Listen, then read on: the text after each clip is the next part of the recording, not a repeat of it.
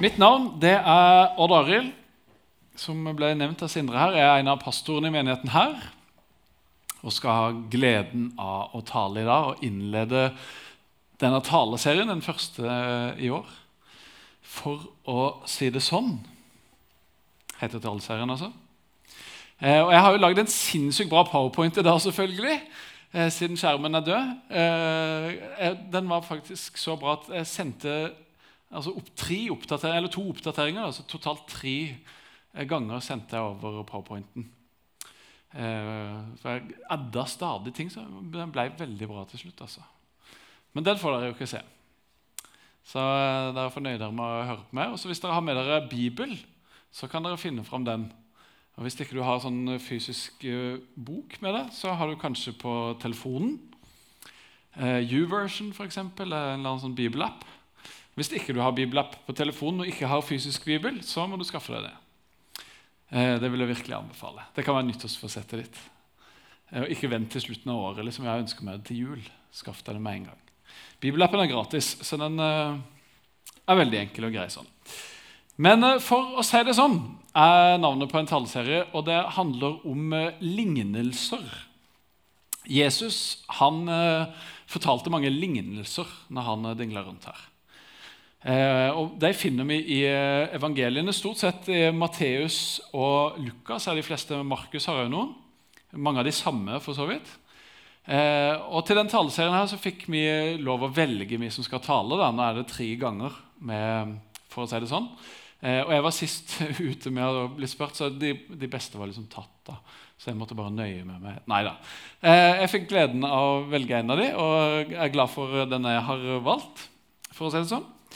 Eh, det kan godt være jeg kommer til å si det mange ganger i dag. Da må jeg bare beklage på forhånd. liksom. Er, jeg er pappa og sånn, og har sånne pappavitser og sånne teite ting. Så bær over med meg. Eh, Satser på det går greit.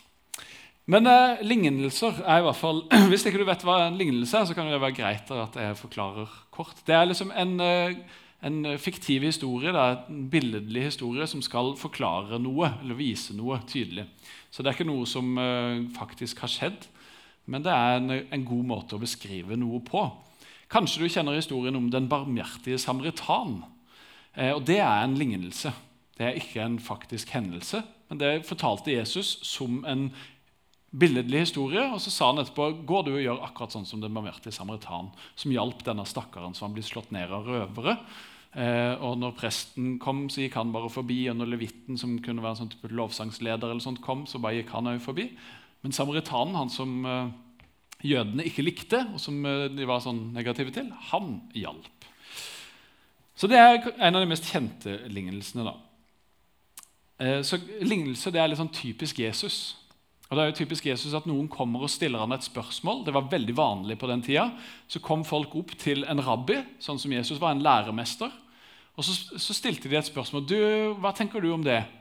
Eller 'Jeg har den og den utfordringa. Hva ville du gjort med det?' Og Veldig ofte når Jesus får sånne spørsmål, så dukker det opp en lignelse. Så I Lukasevangeliet da, så telte jeg veldig sånn kjapt og gæli over, men jeg kom til 15 lignelser. Det er ganske mange. Og eh, mange av lignelsene handler om Guds rike. Eh, det som liksom Jesus kom for å vise til menneskene. Åssen eh, det fungerer. Og Han sammenligner det med et så, eh, nei, sennepsfrø. Han sammenligner det med surdeig som gjennomsyrer en deig osv. har mange sånne ting. Så Guds rike det er liksom en sånn hovedgreie. Og så har han noen sånne som den barmhjertige samaritan, som handler om å gjøre godt. Og sånn. Og så handler alle de andre på en måte om penger og økonomi og eiendeler og sånne ting. Det syns jeg er litt kult. Så det skal jeg snakke om i dag. Penger. Eh, så jeg har et spørsmål til deg. Hvis du plutselig ble millionær, hva ville du gjort da? Hva ville du brukt pengene på? Hvis du vant i Lotto? Plutselig noen millioner. Og Nå skulle jeg ha lista opp masse ting på veggen for dere her. For jeg googla dette her, og så fant jeg inn på Norsk Tipping. Så hadde de spurt lottomillionærer hva brukte du pengene på når du ble millionær. De aller fleste som blir lottomillionærer, er jo litt sånn som du og meg. Nå kjenner jo ikke jeg deres økonomi, men jeg antar at ikke veldig mange av dere er millionærer. Eh, og jeg er i hvert fall ikke det. Bortsett fra en sånn, gjelds, sånn gjeldsmillionær. Det er jeg. Det er ikke sikkert dere har rukket å bli. da. Men eh, i hvert fall så spurte de folk som hadde vunnet i Lotto, hva brukte du pengene dine på, og oppfylte du noen av de drømmene eh, som var der. Jeg vil gjette på, liksom, Når du tenkte nå, ja, hvis du hadde blitt millionær, så kan det være du tenkte masse sånne vanlige ting. Jeg ville ha reist, jeg ville ha kjøpt ditt og datt og ordna og fiksa sånn. Eh, og så kan det være Noen av dere hadde tenkt sånn som veldig mange av oss gjør. Når vi liksom, ja, hvis jeg hadde blitt millionær, da skulle jeg ha gitt vekk så gitt vekk masse liksom, til veldedige formål og til folk som trenger det. og alt mulig sånn. Og Det tror jeg er veldig vanlig å tenke når en ikke har vunnet de millionene. Og Da ser en på alle de der ekle lottomillionærene. og sånn, Hvorfor gir de ikke vekk mye mer? Eller de som er blitt kjemperike, de burde gi masse til de fattige stakkar. Og sånn. Og så blir vi millionærer sjøl, og så ja, tenker vi mest på oss sjøl, kanskje. Kjøper det vi har lyst på. Gir ikke så veldig mye. Så når jeg var inne på Norsk Tipping, så fant jeg at jeg eh, kjøpt stor seilbåt for å reise på jordomseiling, eh, kjøpt hytte og masse andre greier. Veldig mange hadde vært på mye sånn ferieturer. Det var New York og det var Kreta. og det var ja, rundt forbi. De hadde reist, brukt mye penger på det. Eh, og oppussing. Eh, sikkert kjøpt nytt hus, for den siden, men liksom pussa opp og eh, ordna seg sånn. Eh, og så spurte de var det noen av dere som eh, hjalp noen andre med de pengene dere fikk. Noen, noen, andre fikk oppnå sine drømmer. Og da var det en som, Han hadde hjulpet sønnen sin med å bli pilot, for det drømte sønnen om, og det er dritdyrt å bli pilot. Så han hadde hjulpet med det. Det var ei dame som hadde eh, døtre som ønska seg så veldig bunader. Så det hadde hun fiksa til deg. Og sånn. Og Der var det veldig sånn der, sentrert rundt meg og mitt og mine. Og så var det én person som sa at han hadde kjøpt en bil til noe som heter Fontenehuset. Eh, sånn at de kunne bruke den for å hjelpe folk med å hente folk sikkert i fontenehus. og sånn. Så det var en av alle de som hadde svart, det var en god del svar, som hadde gitt det til noen utafor sin egen familie. Og som hadde brukt pengene som ja, var sånn, der ute. Og Det tror jeg er veldig betegnende for oss. Vi er jo sjølsentrerte og egoistiske og tenker på oss sjøl i veldig stor grad. Det er liksom en sånn feil, medfødt feil som vi har fra naturens side. Og så er det veldig bra mange ganger og nødvendig for at vi skal klare oss. liksom, Og veldig mange ganger så er det utrolig negativt. Og Jesus, han, han nesten, Det er nesten en kan koke ned til at alt han snakka imot, det var egoisme. Det var å tenke på seg sjøl og ville ha mer. og liksom I alle mulige settinger så var det det han liksom påpekte rakka ned på. Og synd, som er et sånn ultrakristent begrep, som betyr å bomme på målet, altså gjøre det ikke du burde, liksom, det er eh, roten til synden. på en måte, Det er egoisme. I veldig stor grad. At jeg vil ha noe, så derfor stjeler jeg, f.eks. Det er jo ikke greit. Eller ja, hva det skulle være. Så egoisme er en sånn greie i oss som Jesus var veldig opptatt av. Nå har jeg hatt en veldig lang innledning, så nå skal jeg komme til min lignelse. Den finner du i Lukas kapittel 12. og Den heter 'Lignelsen om den rike bonden'. Så Hvis du har Bibelen i en eller annen form, så kan du slå opp i Lukas 12, eh, og så står den i vers 13 og videre. Men jeg hopper faktisk til vers 16. Så skal jeg lese. Så fortalte han dem en lignelse. Det var en rik mann som hadde fått god avling av jorda. Og Han tenkte med seg sjøl hva skal jeg gjøre? Jeg har ikke plass til avlingen min. Han hadde gjort det veldig bra. med andre ord. Jo, dette vil jeg gjøre. Jeg river ned låvene og bygger de større. Og Der samler jeg kornet og alt jeg ellers eier. Så skal jeg si til meg sjøl, nå har du mye godt liggende, nok for mange år.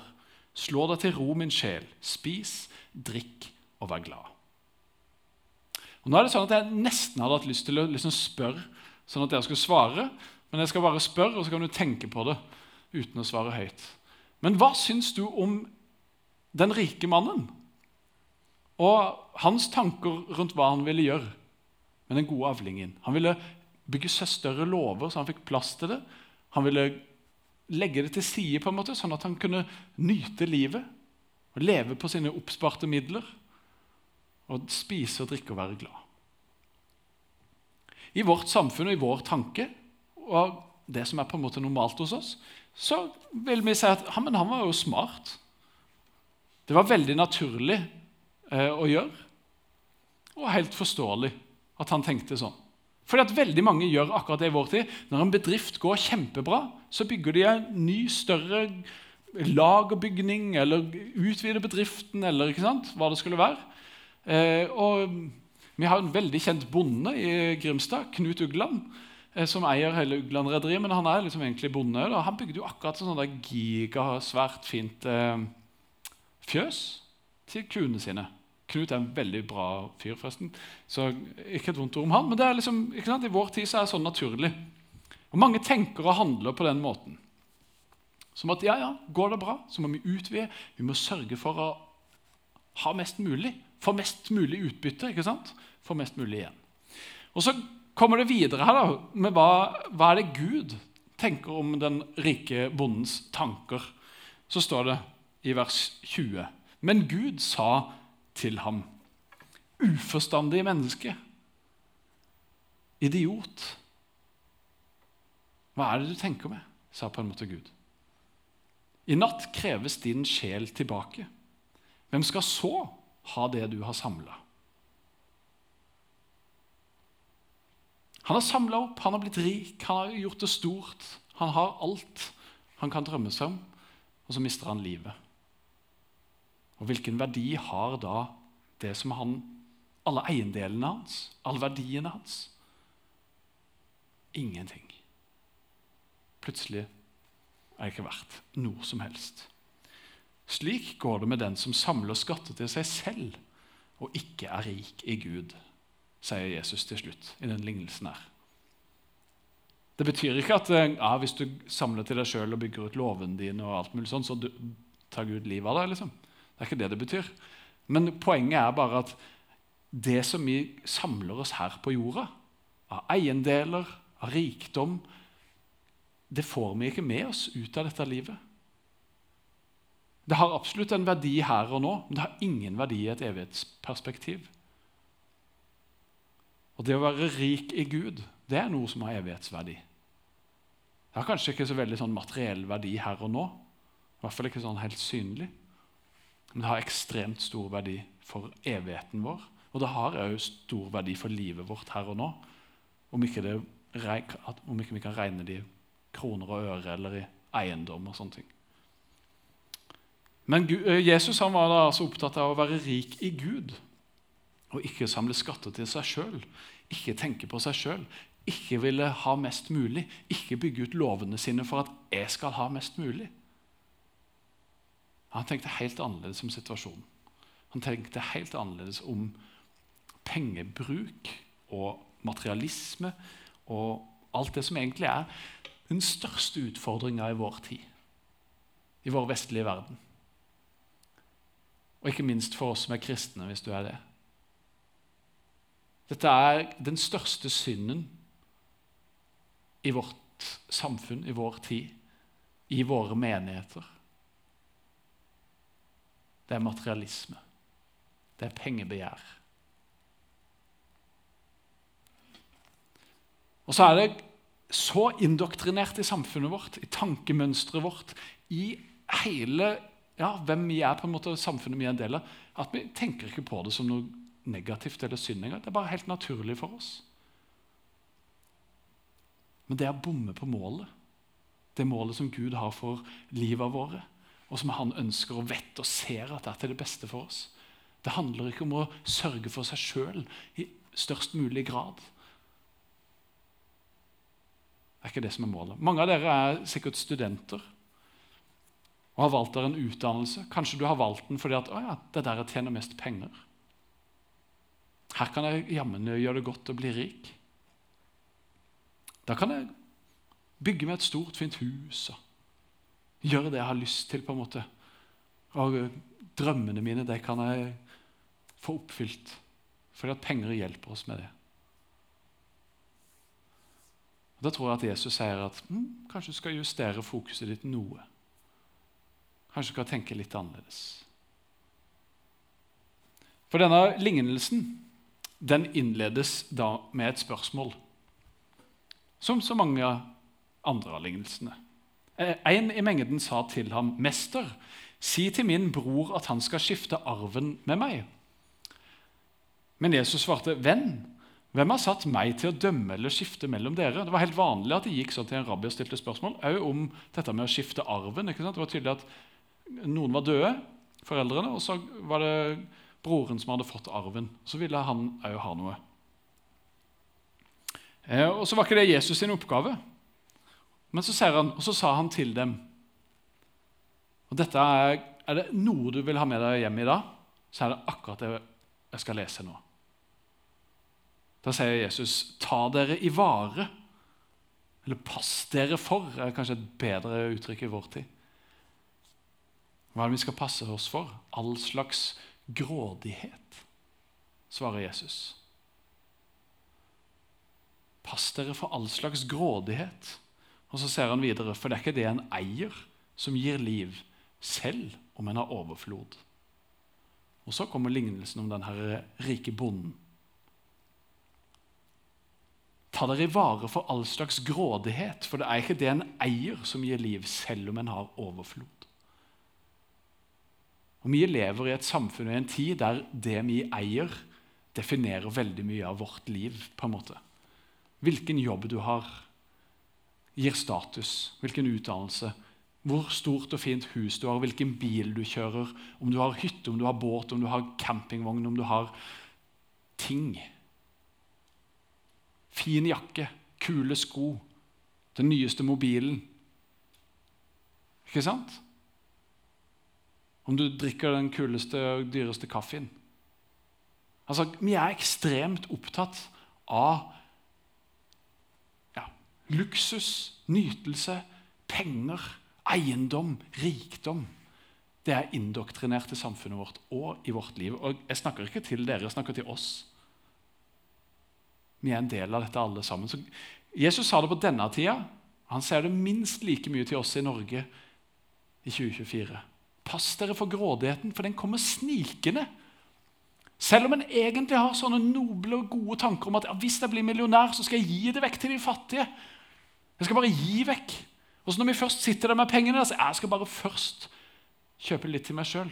Jeg skal bare først ordne opp i det her. Jeg skal bare først sørge for det. Så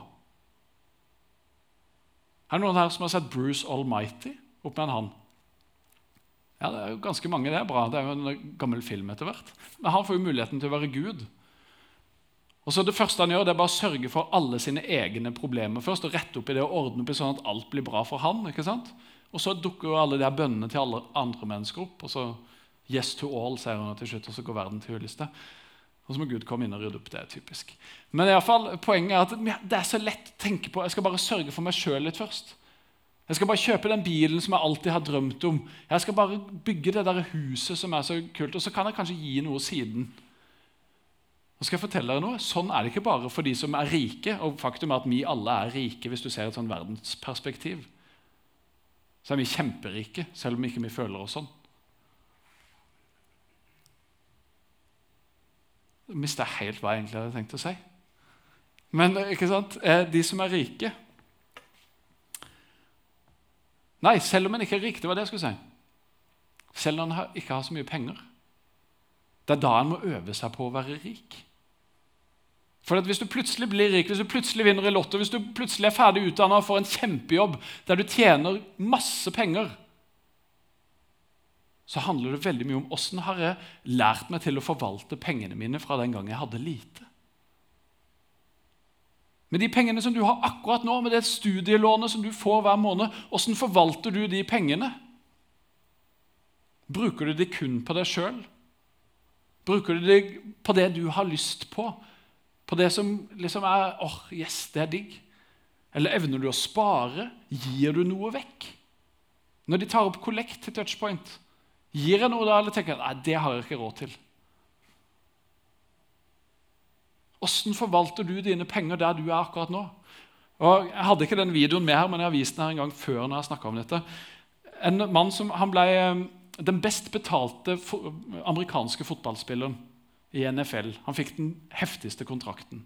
Så sitter han og blir intervjua og spør han, du, hva skal du gjøre med de der pengene som du nå tjener du dødsmye penger. Hva skal du gjøre med det? Ja, han skulle kjøpe en fin ring til kona si, eh, for det syntes han hun fortjente. Og så var det noe annet som han hadde lyst til å kjøpe. Men det første jeg skal gjøre, det er å gi tiende til menigheten min. Det har jeg gjort helt siden jeg fikk den første sjekken min utbetalt på 70 dollar. eller hva det var, når han fikk et sånn stipend når han gikk på college. Så så fort han begynte å tjene penger, så hadde han gitt vekk 10% til menigheten han gikk i. Og Plutselig så fikk han en mange hundre millioner dollars kontrakt. Og fremdeles så ga han penger til menigheten sin. Og Jeg tror ikke han hadde gjort det om ikke han hadde begynt den dagen han fikk de der 70 dollar. Men han hadde bygd seg opp en god vane. Han hadde lært seg sjøl til at det som jeg eier og har, det er i utgangspunktet ikke mitt, det er Gud sitt. Og jeg er blitt satt til å forvalte det. Og åssen forvalter jeg det best? Og jeg gjør det som Gud sier. Jeg gir vekk 10% Og så sparer jeg sikkert noe, for det kan være lurt å ha. Noen penger i bakhånd når ting skjer som er uforutsett. Bilen krasjer, eller hvis vaskemaskinen går i stykker, eller ja, hva det skulle være. Så det kan være kjekt å ha penger i bakhånd. Jeg er utrolig dårlig på å spare. Bare sånn at Jeg har sagt, jeg er ganske god til å gi det eh, på den andre siden. Men det handler om å bygge seg opp noen gode vaner når en ikke er rik. Hvis en har i hvert fall tanker om å bli rik, eller kanskje kan komme til å bli det, så er det superviktig å lære seg sjøl åssen å være en god rik. da. Åssen er jeg god til å være rik? Åssen er jeg ja, en sånn rik som alle vi tenker at rike burde være? For jeg er sikker på at alle vi er enige om at rike burde være sånn som gir masse, som er gavmilde, som er rause, som deler av det de har. Og Hvis vi ønsker at andre skal være sånn, så kan vi begynne med oss sjøl. Så kan jeg begynne med meg sjøl. Men forvalte mine penger på en sånn måte der jeg er raus, der jeg deler, der jeg gir til andre. Det er et romersk ordtak. Og det var jo På den tida som Jesus levde, så hadde de et romersk ordtak som sa at penger er som saltvann. Jo mer du drikker av det, jo tørstere blir du. Og Det er litt den effekten som penger har på oss. Mye vil ha mer. Og I 1. Timoteus kapittel 6 der har Paulus skrevet til en kar som heter Timoteus, som liksom var hans lærling, en som han lærte opp. Og Så skriver han noe fantastisk om penger. Og Det står forferdelig mye om penger i Bibelen. Visste dere det? Kjempemye. Mye mer enn om alt mulig. Jesus snakker masse om penger og eiendom og de tingene her. Og det står mange andre steder. Paulus skriver. Men så skriver han her De som vil bli rike, kanskje det er du og meg de faller i fristelser og snarer og gripes av mange slags tåpelige og skadelige begjær som styrter mennesker ned i undergang og fortapelse.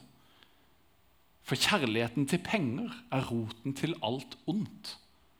Drevet av den er mange ført vill bort fra troen og har påført seg selv mange lidelser. Kjærligheten til penger er roten til alt ondt, skriver han. Han skriver ikke at penger er roten til alt ondt. Det er det noen som sier av og til og bruker dette her. Ja, penger er roten til alt ondt. Nei, det er det ikke. Kjærligheten til penger er roten til alt ondt. Pengebegjær. Ønsket om å alltid ha mer. Havesyke. Så kjærligheten til penger For penger er et fantastisk middel som vi kan bruke til så mye godt. Men det er et elendig mål.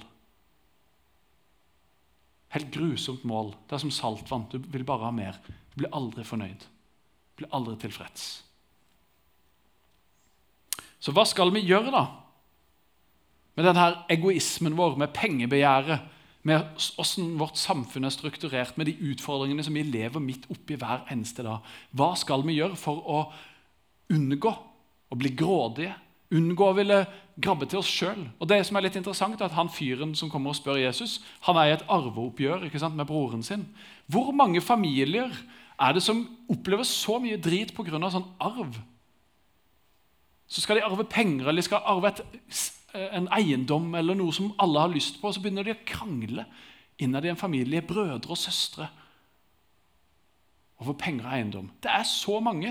Det er et kjempeproblem i vårt samfunn. Det er masse advokater som tjener seg søkkrike på at folk strever med å være venner eller være familie. Kanskje du har opplevd det i din familie. Hvem vet? Men Det er en sånn eh, supergreie. Så dette er kjempeproblem for oss. Så hva i heiteste skal vi gjøre? Åssen skal vi få hjelp? Og Det sier Jesus masse om. Flere steder i, i her det står så mye om penger, om pengebegjær, om hva vi bør og ikke bør gjøre.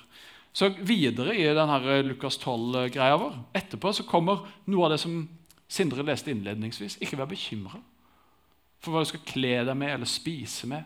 Gud han har kontrollen. Gud forsørger.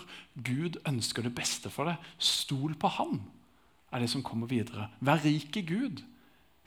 Sørg, eller eh, Søk først Guds rike, så vil han gi deg alt det andre i tillegg. Han vil sørge for kanskje ikke at du blir rik, eller de tingene, men at du klarer deg greit. At du har nok. At du har sånn at du kan gi og være raus. Og så står det til slutt selv det dere eier, og gi gaver til de fattige. Skaff dere pengepunger som ikke slites ut, en uforgjengelig skatt i himmelen der tyver ikke kommer til og møll ikke ødelegger. For hvor skatten deres er, der vil også hjertet deres være. Så Jeg har to ting som jeg har lyst til å trekke fram som på en måte nøkler mot grådighet, mot pengebegjær, mot havesyke. Det første det er takknemlighet. Det gjør noe med hjertene våre når vi er takknemlige. Når Det første jeg gjør om morgenen når jeg våkner, det er ikke å tenke på åh, åssen skal jeg få råd til det, eller jeg har så lyst på det. Nei, når Det første jeg gjør om morgenen, er takk, Gud, for en ny dag. Takk for at jeg lever, takk for at jeg kan puste. Takk for at jeg har mat på bordet, kan spise meg mett. Takk for at jeg kan ta en varm dusj. Takk for at jeg har muligheten til å gå på skole. Takk for at jeg har familie. Takk for at jeg har venner. Takk for at jeg har klær å gå med når det er kaldt. Vi har så uendelig mye å være takknemlig for. Bare prøv. Det vil jeg utfordre deg på. Begynn å, bare Skriv en liste over ting du er takknemlig for. Det kan være at du tenker Nei, jeg har ikke så mye å være takknemlig for, men når du bare begynner, så er jeg sikker på det. Det fins så mange ting å være takknemlig for. Og Det kan jeg òg lese om i Bibelen. Folk som sitter i fengsel, som er piska og torturert. Så har de fokus på hva kan jeg være takknemlig for. Og så gjør det noe med hjertene våre. Og så ødelegger det for grådighet og egoisme og pengebegjær. Så det er det første. Takknemlighet. Vær takknemlig for det du har. Jeg har ikke akkurat noen nyttårsforsetter, men det er en ting jeg har lyst til å ha større fokus på. Å være takknemlig. Det andre som jeg har lyst til at du skal ta med deg, det er raushet. Å være raus. Gi. Det trenger ikke bare være penger, men det kan være tid. Det kan være snømåking. Uten å få betalt for det, til og med. Jeg hørte om det nå. Eh, ungdommer som eh, fikk muligheten til å tjene noen penger nå når mange var snødd inne. ikke sant? Og så kom de så, ja, Vi hadde jo avtalt en pris på 750 kroner. liksom. Nei, nei, nå er det 1400. Så de så jo sitt snitt til å tjene mye mer. ikke sant? For dette var en veldig etterspurt tjeneste. Så oi, her kan jeg jo gjøre gode penger. Og så kommer pengebegjæret, og så kommer havesyken, og så ser han, ja, her er muligheter. Ikke sant? Og så bare dukker det opp i oss. Sånn er det i samfunnet vårt. Varer og tjenester, etterspørsel. Prisen stiger i været. Vi har muligheten til å tjene oss rike.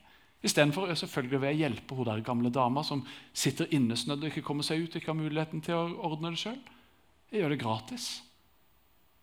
Det gjør noe med hjertet vårt. Det fyller ikke lommeboka vår, men det fyller helt andre ting som er mye viktigere. Så det å gi Gi av pengene dine. Ta på alvor det som står i Bibelen om å gi 10% eller gi mer. Så du har muligheten til det. Jesus han snakker aldri om tiende og gi 10% og Det tror jeg i hovedsak er fordi han tenker at du kan gi mer. Hvis du syns det er mye, så begynn med et fast beløp som du har lyst til å gi. Til touchpoint eller til noe annet som du syns er bra. Gi vekk noen av pengene dine. Det gjør at ikke de får makten over deg på samme måte. Det er liksom en sånn motgift. Så det å gi vekk av penger, det å bruke tida si på noen andre. Lån vekk hvis du har noe som noen andre trenger. Om det er bilen din, eller om det er en sykkel, eller om du har en tilhenger, eller hva det skal være. Vær så god, lån det. Jeg har en kompis, Han er mitt største forbilde på de tinga her. Han er helt rå når det kommer til å ja, gi og dele og være spandabel. alt mye sånn. Så Hvis vi har vært ute og spist lunsj sammen, for eksempel, så har det blitt en sånn greie at eh, jeg spanderer, denne velsignelsen vil jeg ha. For vi tenker at det, det følger med sånne velsignelser ved å gi og dele og spandere og velsigne andre. Ikke nødvendigvis at en får masse penger, men en får det kanskje godt inni seg. Eller. Så vi pleier å si, den velsignelsen vil jeg ha. Og Han bygde akkurat ny hytte eh, på Gautefall. Og Det høres jo litt sånn eh, wow hvem har råd til det? på en måte? Og Det er en kjempefin hytte. Vi fikk lov å være der nå i nyttårshelga og feire nyttår sammen med dem. Og være på den kjempefine hytta. Men han, han vil låne denne hytta ut gratis til familier som trenger det, som ikke har råd. Så han kontakta forsikringsselskapet sitt og lurte på hvordan han skulle forsikre hytta eh, når han ville låne den ut sånn. Ja, det hadde de aldri vært borti før. De hadde liksom hørt om sånn utleie. Når du leier vekk, så fins det sånne kontrakter, forsikringskontrakter. Sånn. Ja, men jeg skal låne den vekk gratis. Jeg skal gjøre det mange ofte liksom, i året. Flere helger og uker og sånn i året. Det er ikke liksom bare sånn én gang her og der. Ja, nei, Da måtte de opp i systemet og snakke med toppsjefer, og alt mulig sånt, for dette hadde de ikke vært borti før. Men det er sånn han er. Eh, og jeg er overbevist om at det kommer til å bli sånn med den hytta. Og Det er fantastisk, og det er så forbilledlig. Jeg er så glad og så heldig og takknemlig som har sånne mennesker rundt meg som utfordrer meg. For det trenger jeg. I meg sjøl er jeg så egoistisk, så tenker så på meg sjøl, vil bare ha mest mulig sjøl. Så jeg trenger at noen utfordrer meg, sånn som jeg håper at jeg utfordrer du nå. For det er veien å gå. Det er det som er det virkelige livet. Ikke å ha mest mulig sjøl, men å være mest mulig raus. Om å gi, om å låne vekk, om å dele av det vi har. Jeg kan jo kjenne på sånn Hvis jeg har en tyggispakke i lomma, liksom, så jeg sniker til meg liksom, tygger selv, istedenfor å ta noe Hei, vil du ha? Så barnslig og dust og på et så lavt nivå jeg er. Men det å dele, det gjør noe med hjertet vårt. Det gjør noe med, det er en sånn motgift altså. mot pengebegjær, mot havesyke, mot de der tinga som holder oss, egoismen som lever i oss. Så det er fantastisk bra. Nå tror jeg jeg har snakka veldig lenge. Klokka mi gikk tom for strøm, akkurat i sted, så jeg har null peiling. Eh, men jeg hadde bare lyst til å ta ett vers til. Det har jeg ikke skrevet opp engang, men jeg må ta det med. Det står òg i første eh, Timoteus, kapittel 6, helt til slutt. For der sier han noe om eh, hva en skal si til de som er rike i denne verden. Da skriver Paulus.: Forman dem som er rike i denne verden. Altså oppmuntre dem til, utfordre dem på at de ikke må være overmodige og ikke sette sitt håp til den usikre rikdommen. Ikke sant? Det er jo veldig mange som har gjort det. Wow, nå går det bra, og så bygger de stort, og så dør de sånn som han. Eller så oi, plutselig gikk firmaet konkurs, og så sliter de, og så videre og så videre. ikke sant? For vi setter vår lit til rikdom. Vi stoler på at pengene våre skal ta vare på oss. At rikdommen vår er liksom, det, er, det er det som er egentlig Gud i vårt samfunn. i vår tid. Har du tenkt på det noen gang? Hva er det som gir du trygghet i ditt liv? Er det å vite at du har nok penger på konto? Det tror jeg i veldig stor grad det er for oss. Da er det vår Gud, eller vår avgud. Sindre leste det innledningsvis. Ikke vær bekymra. Det er Gud som har kontrollen. Han er vår gode far, vår kjærlige pappa, som vet det beste for oss. Som kun ønsker oss godt. Går den veien som han vil, så går det bra. Og så må jeg tilbake hit. Ikke må være overmodig, ikke sette sitt håp til den usikre rikdommen, men til Gud.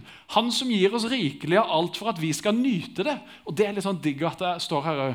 For det handler ikke om at vi skal liksom, ah, ja, jeg går skitne, gamle, fillete klær og spiser nesten ingenting, og sånt, for jeg må bare gi vekk mest mulig. Jeg må gjerne gjøre det, altså, Men Gud har gitt oss alt for at vi skal nyte det, for at vi skal glede oss over det. Men det må ikke bli for mye av det gode. ikke sant? Så står videre de skal gjøre godt. Dette er jo vår drømmesituasjon for alle rike. Men dette er en utfordring til du og meg. Vi må øve oss på å være rike. Da. De skal gjøre godt, være rike på gode gjerninger, være gavmilde og dele med andre være rause. Skuffe snø for naboen. Slik samler de seg en skatt som blir en god grunnvoll for fremtiden, så de kan vinne det virkelige livet.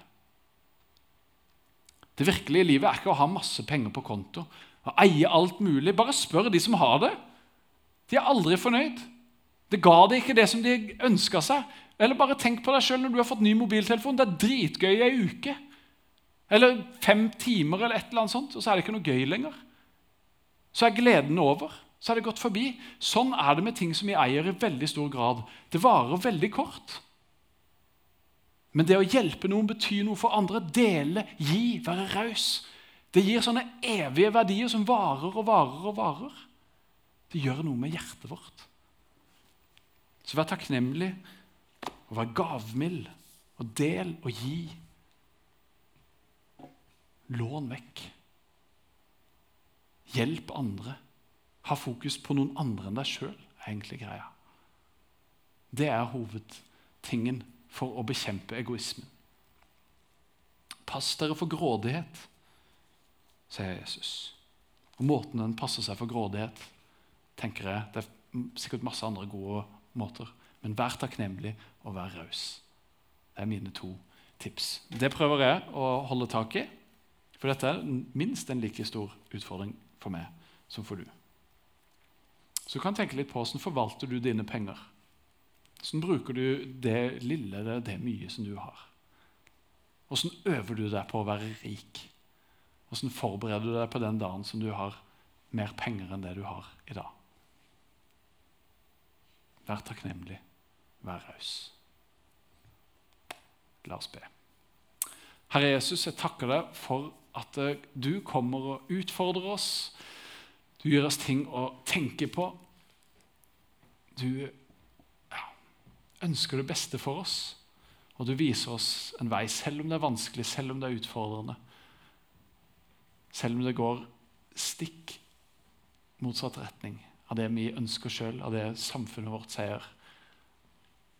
Herre Jesus, du må hjelpe oss. Hellige Ånd, tal til hjertene våre og ber om at du skal utfordre den enkelte av oss på hvordan vi kan være gode forvaltere.